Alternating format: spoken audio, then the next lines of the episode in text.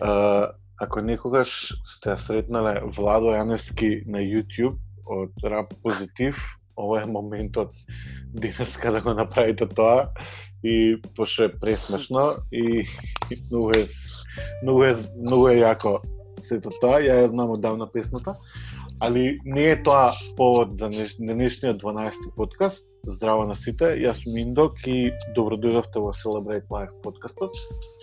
Со мене денеска е Лука и поводот за Лука што е денеска гостин, пошто нели све у фокус на COVID-19 изминати во две два месеци, пардон, више не знам николку денови седиме дома и се останато. Лука пред недела дена го испрли албумот инспириран од од све ова што се случува. Може така кажеме Лука или не? Така, така. Да. Уреција се на места. Да. Значи, Мене ми е прилично интересно, да, супер ми албумот, многу така современо звучи, многу ми е малце Френк Милер вајб, Мек Милер, пардон. И, а... ама тоа, тоа е мој впечаток, мислам, не, не мора да значи тоа, секој има право да е толку уметноста. Мек Милер ми е фейв задниве години, без разлика. Него фантастично ми е мене што реално ти имаш пратено на другариве твои и соработници со кои што работиш, имаш пратено битови и они ти праќаат назад материјал, така? Да, бе, посвари многу чудно испадна цела оваа ситуација. Не, не беше ништо као испланирано или нешто. Онака станав еден ден и тоа ми текна да се деси. Ги ставив у група едно 20 души, им пратив mm -hmm битови, им кажав албум правиме. Сега пошто и однака сите кукате дека ви е досадно карантин, не ве барам да направиме нешто корисно и уствари првата замисла ми беше онака, биде, баш трешче да не речам. Ептено лоу фај да биде, да не да не ни звучи како албум, туку да се чекай, дешава нешто. Да, ама у напливот на овеше SoundCloud издаваштво и YouTube издаваштво, музиката моментов според мене е све лоу-фај. Па да, има онака тој бран сега преовладува последниве mm. некои Мислам, не знам Lil колку Peep, година, две. Лил Пип се да останеше жив ке, да, кој знае каква звезда ке беше у моментов, уште поише Лил Пип. Да, да. Кај нас не е доен уште до толку тој бранд, барем неам видено ја нешто low fire да се појавуваат кај нас на сцена. Поствари Мгм. тоа ми беше идејата да направам нешто такво да звучи, али вака кога почнаа ми ги праќаат вокалите и кога почнав да монтирам и да миксам, сватив дека ќе испадне многу посериозно и нема зашо да биде со таков квалитет и да биде цело даун кога може да се направи онака квалитетен албум. И на крај кога се комплетираше целава ствар, баш си слушнав коментари дека да не сум им кажал дека се на телефон снимани вокали, бе, немали ни да приметат дека е Мм. таква работата. Баш онака испадна. Ко студиски да е. Не бе, ама знаеш што денеска е стварно фантастично што технологијава више дозволува ова да се прави и мене ми е скроз супер тоа, затоа што знаеш у минатото ако требало огромно студио и све останато, денеска Да, да, да. Сега Онака. може секој со компјутер што има, може да снима песни без да, е, проблем. на пример, Со, има со мала инвестиција. М, а, а, iPad музичари еден тон се појавија, знаеш, и на пример тоа исто но има мрчење од типот као што порано мрча, еј шо е лаптоп DJ, кај му се грамофоните, знаеш. И као се уште се уште го има тој стереотип и онака како викам дечки стварно што е битно на што е направена музиката која стварно добро звучи све и, и денеска толку не ни знаеме више на што све се продуцира. Кажи ми, што беше инспирацијава уствари за лириките. Дали луѓето сами си праја лирики или некакви насоки им дајат? Или буквално доволно се познавате и сте работеле, па така испадна све комплетен производ да звучи? Mm Па види, јас со секој од нив имам соработувано, имам со секој од нив најмалку, не знам, 3-4 песни направено, али никад вака ги немам споено и испаднаа некои чудни соработки што никад не би се споиле они сами да се договорат да направат песна. да не да не се десешава. А за текстовите немав ја некоја конкретна идеја што да се дешава, битовите им ги подпишав со теми на кои мене ме асоцираат и им кажав слободно може да пишувате во темава, може нешто друго да пишувате ако ви текне, еве тука сте група, договарајте се сите. И не знам, воопшто немаше тематски проблеми, као кој као ќе напишеше нешто, ќе се снимеше каков е версот и одма се надоврзуваа други.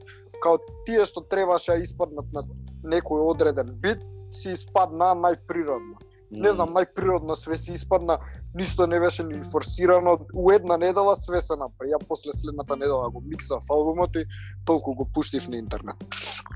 Така да, баш- све си бе природно. И, и од теми, и од текстови, они сами си ги пишуваа секој од дома.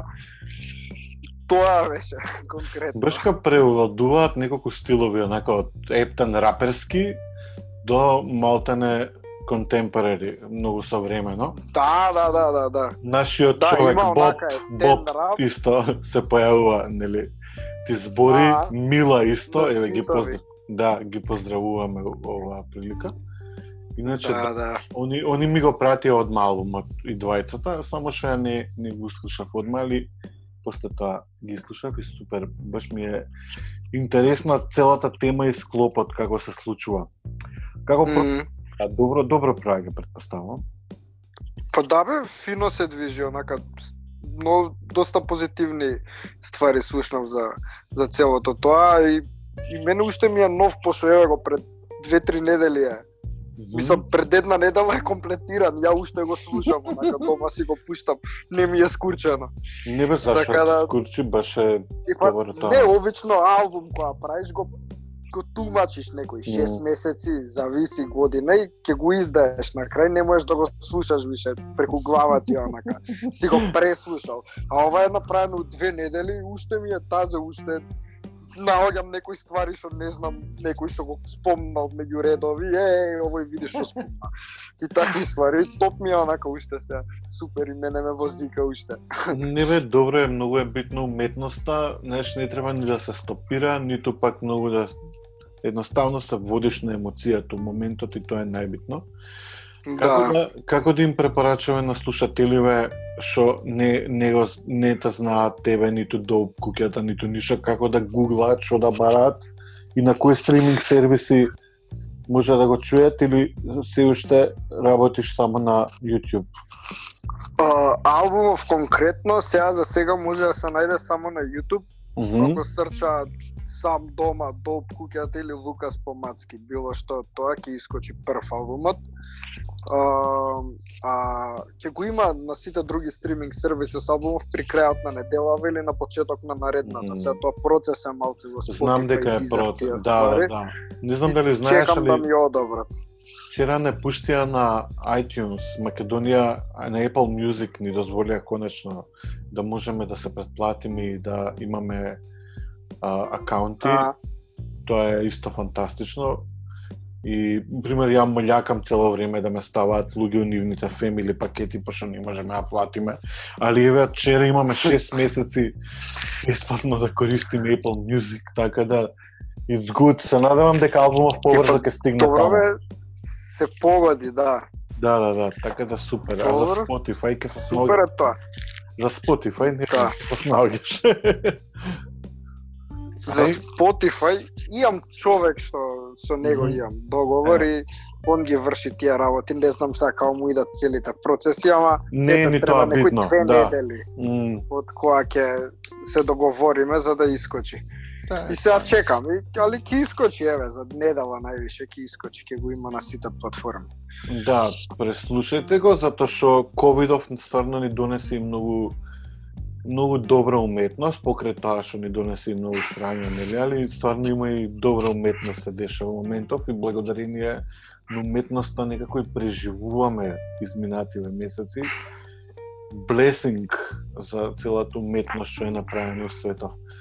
Лука, Мм. а, вие сте таму една голема екипа, предходно бевте рап позитив, сега сте допе куќата Да, куќата. Кажи ми, колку време постои доп куќата, што имате издадено до сега, што ви се плановите понатаму, Дали планираш соло некој исто проект други Его знам само оној дедо ми на плажа, као твој соло. Аха. Само Да, 3.18, тоа беше Да. пред две години направивме со Доп Куќат албум. Јас, Лазе, Јасмин и Слика. Мгм. Тоаш бевме четири души состав. Додуше и сега сме тие, таа е основата. И Јане, што ни е диджеј, Таа е основата, али еве пошто соработуваме со поише луѓе и као сите сакаат и сите сме си заедно као као огромна екипа и така се представуваме. Нема везе.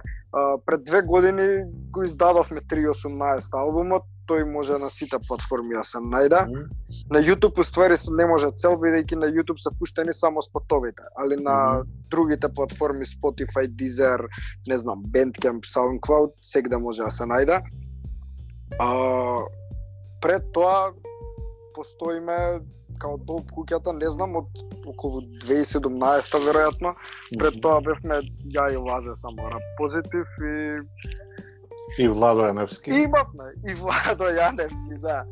И имавме познанства еден, купи правевме заедно музика и да не биде сега 100 екипи, 100 подгрупи, се направивме сите уедна и мислам така подобро беше на крај на денот.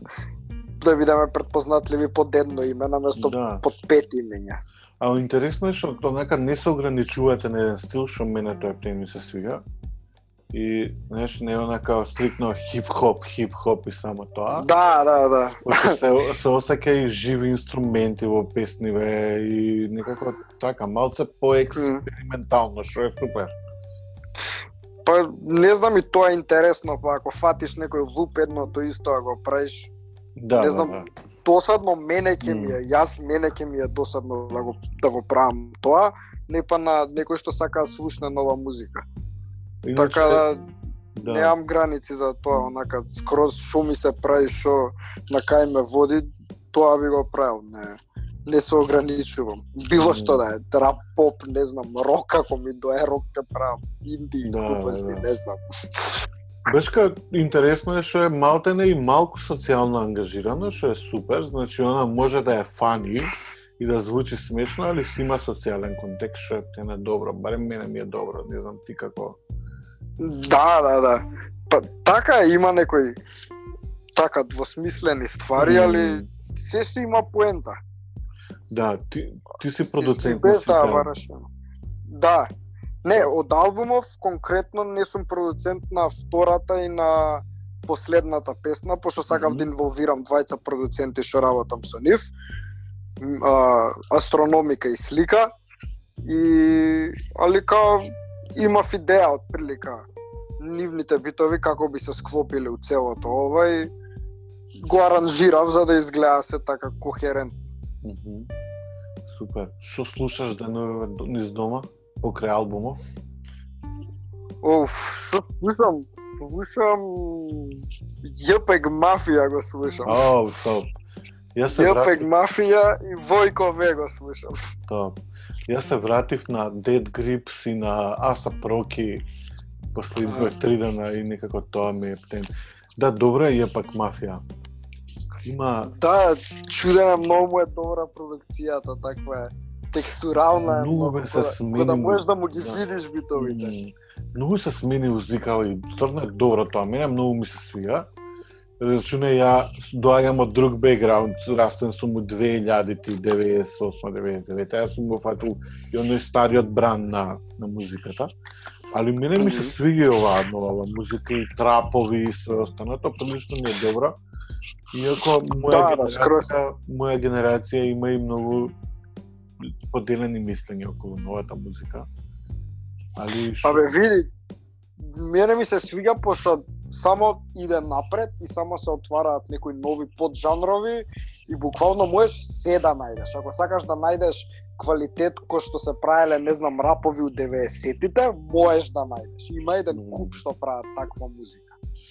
Така да баш само проширено и само поише ти дава да истражуваш и полуди идеи наоѓаш. Така да мене ми се свига ова што се дешава. Мислам дека никад не било боле од сега и веројатно и Уидни на никад нема да биде полоша, пошто увек има повеќе и увек истото ќе биде рециклирано.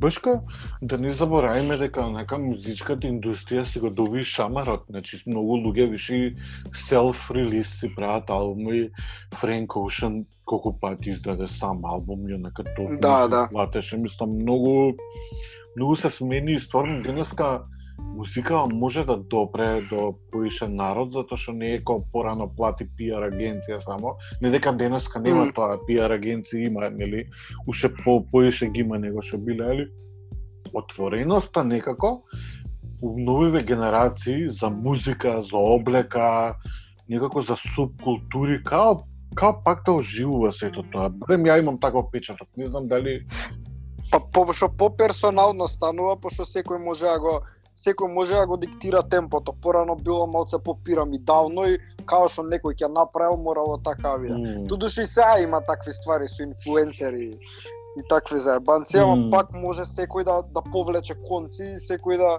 придонесе нешто. Да, да, Ептин е тоа фантастично. Мислам да го земе Фарел више, аман од фрижидер ако не излезе, фантастичен артист. Али толку лесно се упропастија, нака све прави. Облека, не знам што, онака распредува Да. ствари, и малце губење од фокусот, што па многу Ептин ги сакам и Нерд и Фарел, ама се сменија Ептин работиве. Што што што мислиш за иднинава у музиката? Кај ќе кај ќе ве однесе до куќата? Или пошто прилично е. експериментирате цело време. Си правите сами спотови, што е чисто добро. Да. И па, за сте видео DIY. продукција имаме размислувано за видео продукција да се споиме со некоја екипа режисери камермани, пошто пак сами правиме, ама не знам, не, не е толку професионално Така, колку што може да биде и не може да се реализираат сите идеи, онака имам некои идеи што се многу добри, ама не можам да ги реализирам сам. Ми треба режисер ми треба, ми треба добра камера, не можам со GoPro тоа да го снимам, пошто нема испадне, не може да се снима Да, да, да. и слично. А во однос на насоката на музиката, стварно поима немам, онака на кај ќе затера и на кај како ќе израснеме како артисти, на кај ќе не поведе енергијата на таму ќе затера. Не би знаел. Сега Мгм. сме тоа што сме, еве ова, пред две недели што го направивме сам дома, тоа сме сега. Тоа е Утре супер. не знам што ќе бидеме. Не, тоа е супер. А сте имале лайф ектови така на земјотрес и или сте имале поише, извини ако нешто грешам. За, за настапи? Да. Имате лайф Па сме имале онака, да, да, сме имале, доста сме имале. На земјотрес, а, мислам дека не бевме на земјотрес. Не, не сте биле на земјата? Па, мислам дека не, не знам, може и грешам. Ама мислам дека не. Стварно не се сеќавам, онака. Соло, А, соло концерт сте имале као самостоен, само вие или Да, не? да, Да? да, имавме Мгм. сега. Па пред пред да се деси ова, со коронава Стварно? имавме Аха. во МКЦ Трец имаше евент. Тоа е као диџеи од од Англија дошле Мгм. тука и прават евент и ни сконтактираа нас и као ни дадоа саат време да имаме само ние настап. И у МКЦ го имавме настапот и Мгм. супер пројде онака кул со наша публика и тоа беше прв а не уствари не беше прв концерт која сами сме биле. Сме правеле и во во ова на площад пивница ова како се викаше Мгм. а, колектив и во колектив сме правеле исто така и во Public Room сме правеле самостоен настан. Така да три три настани имаме самостојни правено. А вака сме гостуеле, доста пати сме гостуеле. Ја и Лазе на 3-40 пати сигурно имаме настапуване. Ехе, добро, значи не не е дека останато е само тоа така него им се расширува што е добро. А, Да, да, супер. Мислам, уште поише, ако има настави, ако уште поише е инволвирано. Додуше оваа сцена некако алтернативна, ова не е до толку. Има евенти, ама не знам, на 3 месеци, на 6 месеци. Многу, да, да, да. Мислам дека истиот проблем со години и никој не ја сваќа алтернативната сцена дека треба да се работи малце по поотворено за разлика од овие треши мейнстрим евентиве.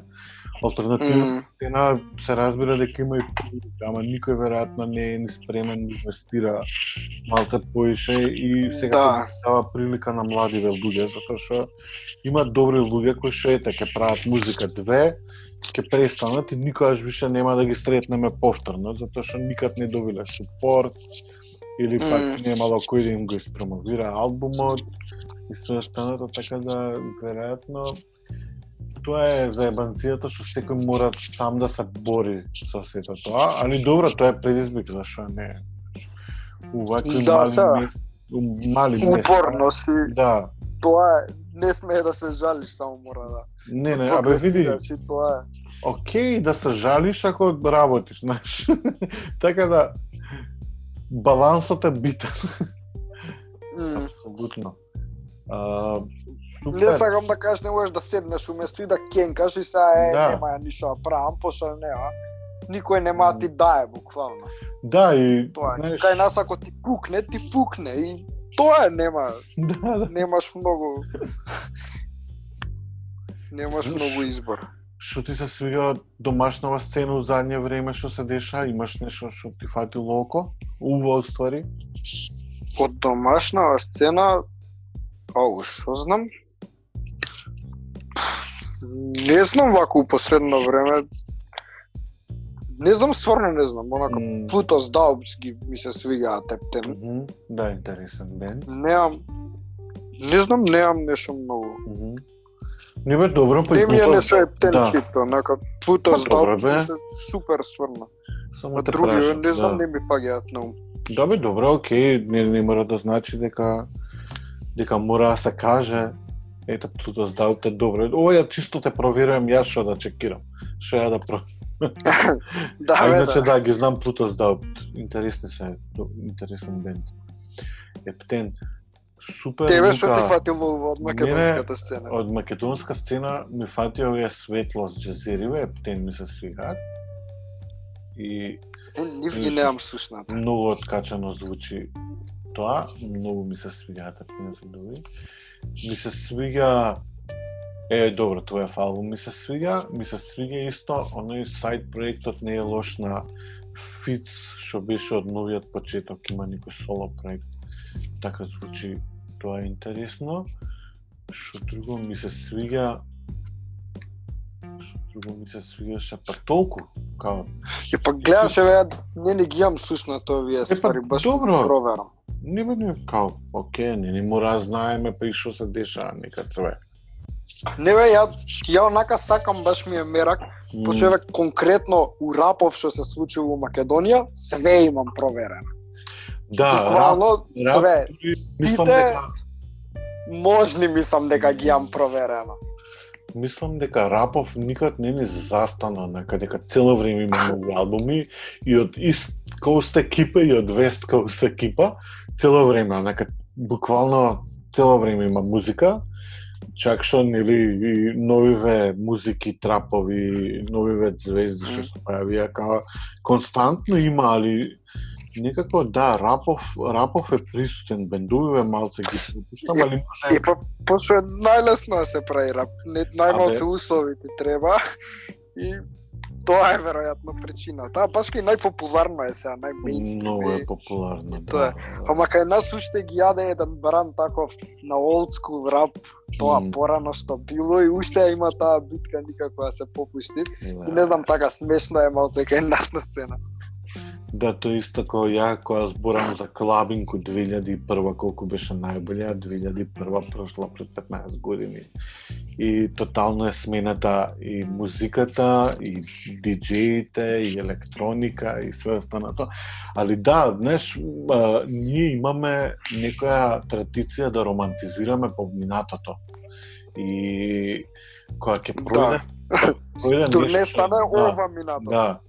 И знаеш, многу е стане по ова ќе плачеме.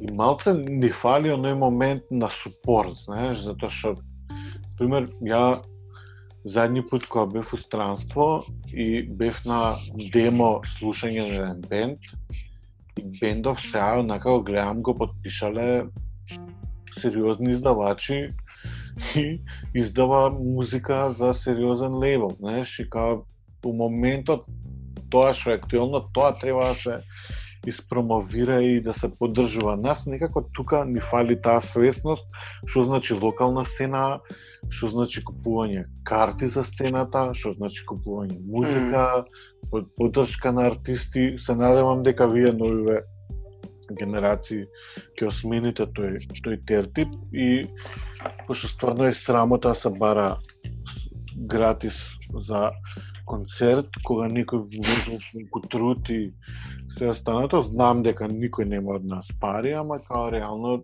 if you want you can support. И Да, така е, се слагам. Апсолутно се слагам. надевам дека само ќе се менјаат работите и тоа е битно. А, Што друго, а, Lo-fi сценава ја прозборувавме, тоа е птен интересно. Дај уште нешто кажи ми за албумов, пошто е птен ми интересно, ја у друга темата одлечкав. За албумов, Да, за сам дома. Кажавме, кажавме ства, е, фргнат за него, ама дај уште нешто да да подспомнеме. па не знам конкретно што да ти кажам, ме зачудија некој кога добива вокали од од луѓето што ги собрав, имаше некои вокали што беа снимени онака на телефон Мгм. и не можеш да приметиш дали е у студио снимано или не. Веројатно на некои нови Apple продукти, iPhone-и, кои што онака джам испаѓаа вокалите и бев као им пишав, вие не морате да доаѓате у студио да се малтретирате за песта да снимате, можете комотно на телефон да си ја снимате и да ми ја пратите мене. У иднина и да се среди. Онака скрос не се приметува. Мислам, се приметува, ама јас кога ќе направам корекции после со компресор и исповајзер едно на друго, нема шанси да приметиш. Тоа ми беше онака е тен зачудувачки факт што го што го дознав што туку дека уствари до толку е напредната целава ствар. И не знам, мм. А работиш нешто комерцијално музика или само на твоиве проекти си се посветен?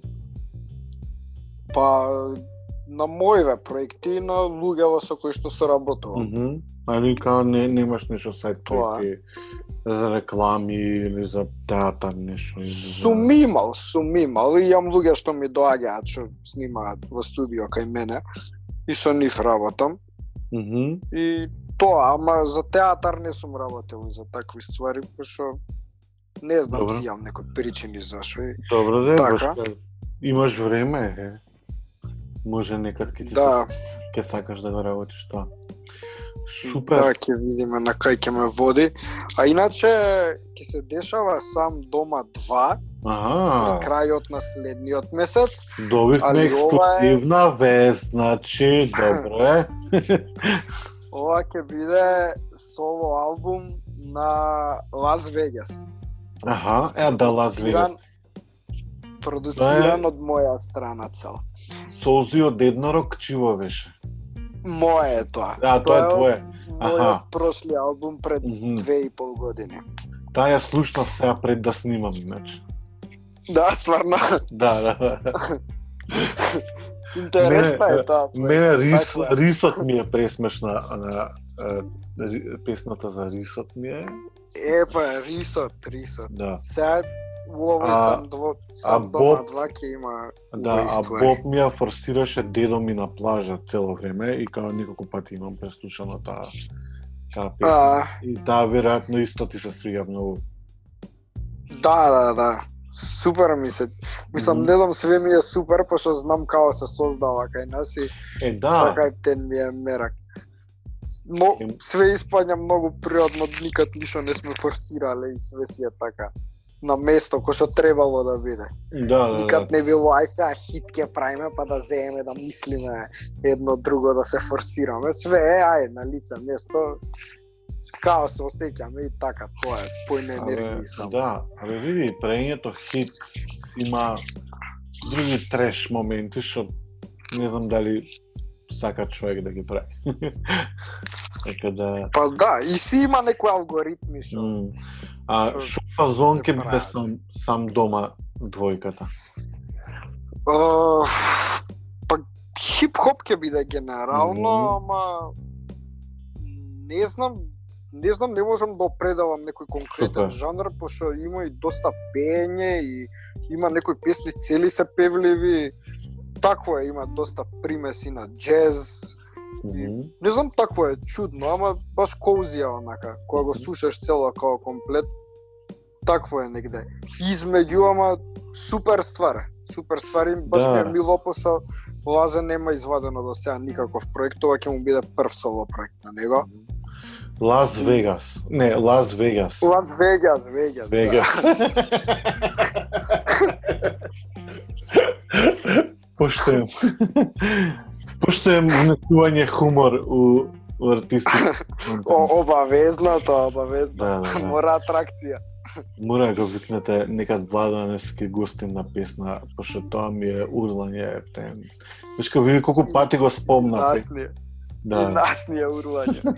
Мора, мора со човекот. Еднаш да, Да. да дое у студио, онака прописно да се испржиме, една, еден рефрен да ни остаи и да се испратиме со пољупци и гускања. Прејако. Прејако. Топ. Лас Вегас е исто доп куќата, така? Да, да. Оне со мене ура позитив уште од почетокот. Јас со него јам почнато музика да правам. Супер. Значи, ви уствари а, доп куќата сакате да го ширите што е добро, ете, со видео, со, а, со продукција на други артисти или не, или конкретно само вашава екипа у моментот. Не знаете понатаму. Зашто конкретно? Доп За куќата, да, доп Аха. куќата ќе си остане као бенд или сакате да го ширите малце на малце под Па немаме поима искрено да ти кажам, пошто не знам, сите сме до куќата, онака сите што снимаме и сите што се дружиме, сите сме до куќата. Пред две години албумот што го извадивме, бевме четири души, беше цел продуциран од нас, све ние си имавме направено, сега уиднина ако правиме друг албум, ако се убацат повеќе луѓе, тие исто ќе видат до куќата и така. Онака скроз се лабаво и не, не, не ја премислуваме работата, као природно ќе си дое со време, така ќе видиш. Супер. Не бе, добро е као све е супер, нека има само музика, нека се работи и нека Да, то, тоа е најбитно ствари на крај на денот. Да испадне добра ствар, па добра да. музика да има. Баш као мене многу ми се свига do it yourself сцената и ептен без разлика што ете do it yourself сцената у светски рамки више има друга форма, али кај нас многу ми се свига што ете има нови форми, нови луѓе, супер што работат на сето тоа. Супер. Лука, фала ти многу за гостувањето на подкаст. Се надевам дека ти беше забавно и дека опфативме Фала ти на тебе. што што имавме да кажеме. Прилично интересна темата, дечки, вие и девојки и деј и зид што слушате Celebrate Live подкаст по моментов. Лукас Помацки сам дома се вика албумот, чекирате го на YouTube за недела до две и на останатите стриминг сервиси. Ако се појави некој Bandcamp, донирајте му некој долар. Пошто реално Да, да, може, може. сите во сите треба да, сите треба некако да добиеме некаква поддршка за тоа што го работиме. Еј, да, омотот не го спомнавме бе, знаеш? Ау, А, омотот интересно е омотот што е Јанко Петел ја ваше. Аха, тој гледам го тагирате по Инстаграм, не го знам. Да, ама нема Инстаграм. Он А, така, Јанко да. нема Инстаграм. А, он Интересно ми е е што- петиот член од Доп куќата, DJ е и графички дизајнер. Ова беше идејава со омотот, со онаа сликата девојката што пишува домашна цел живот, цело време што искача на YouTube, па го пишеш лоу-фај Бит си скача првото видео со неа. Е, ова беше фората, да се направи реплика од тоа, али со корона, пошто нели корона. Да, И на столчето седи короната, да. Да, и испадна онака ептен топ, не знам, мене ми е партали целата ствар. И он ми ги прави сите омоти, сите такви заебанци на предходниот албум и сега ствари што искачаат до куќата пејџот на Инстаграм, он е задолжен за сето. Тоа е браво Јане. Браво, колега дизајнер, само продолжи да го правиш тоа. Следа дека правиме добар контент, све е добро. Не сме Така е, да, така да се оставиме на од просечното да останува. Супер, Лука, фала ти многу што пиевме кафе на Звезда. Се надевам дека- Виртуелно кафе. Да, у виртуелно кафе, јеби га, спречени сме за за за за средби, ако многу ми е тешко, али ајде да не се жалам. Дека ми е тешко како седам дома. Се века, можеме да шетаме кучиња, оке. Да, да, ние со, со читови сме така да. да, Ај имаме колку толку. Устори сега кучињава не шетаат нас, не ние нив. Да, да. Благодарни. А, дечки, заследете го. Лука, како ти беше инстаграмот? Па за следете Лукс Кмала, Лукас Помацки и Долп куѓата за следете ако сакате да пратите новости околу мене и мојот бенд. И така. А, јас сум Индок, не морате да ме заследите на социјал медија ако не сакате. Лука заследете го, пошто се млади им треба нив поддршка. Ова беше 12-та епизода на Celebrate Life подкастот, снимана во ерата на COVID-19.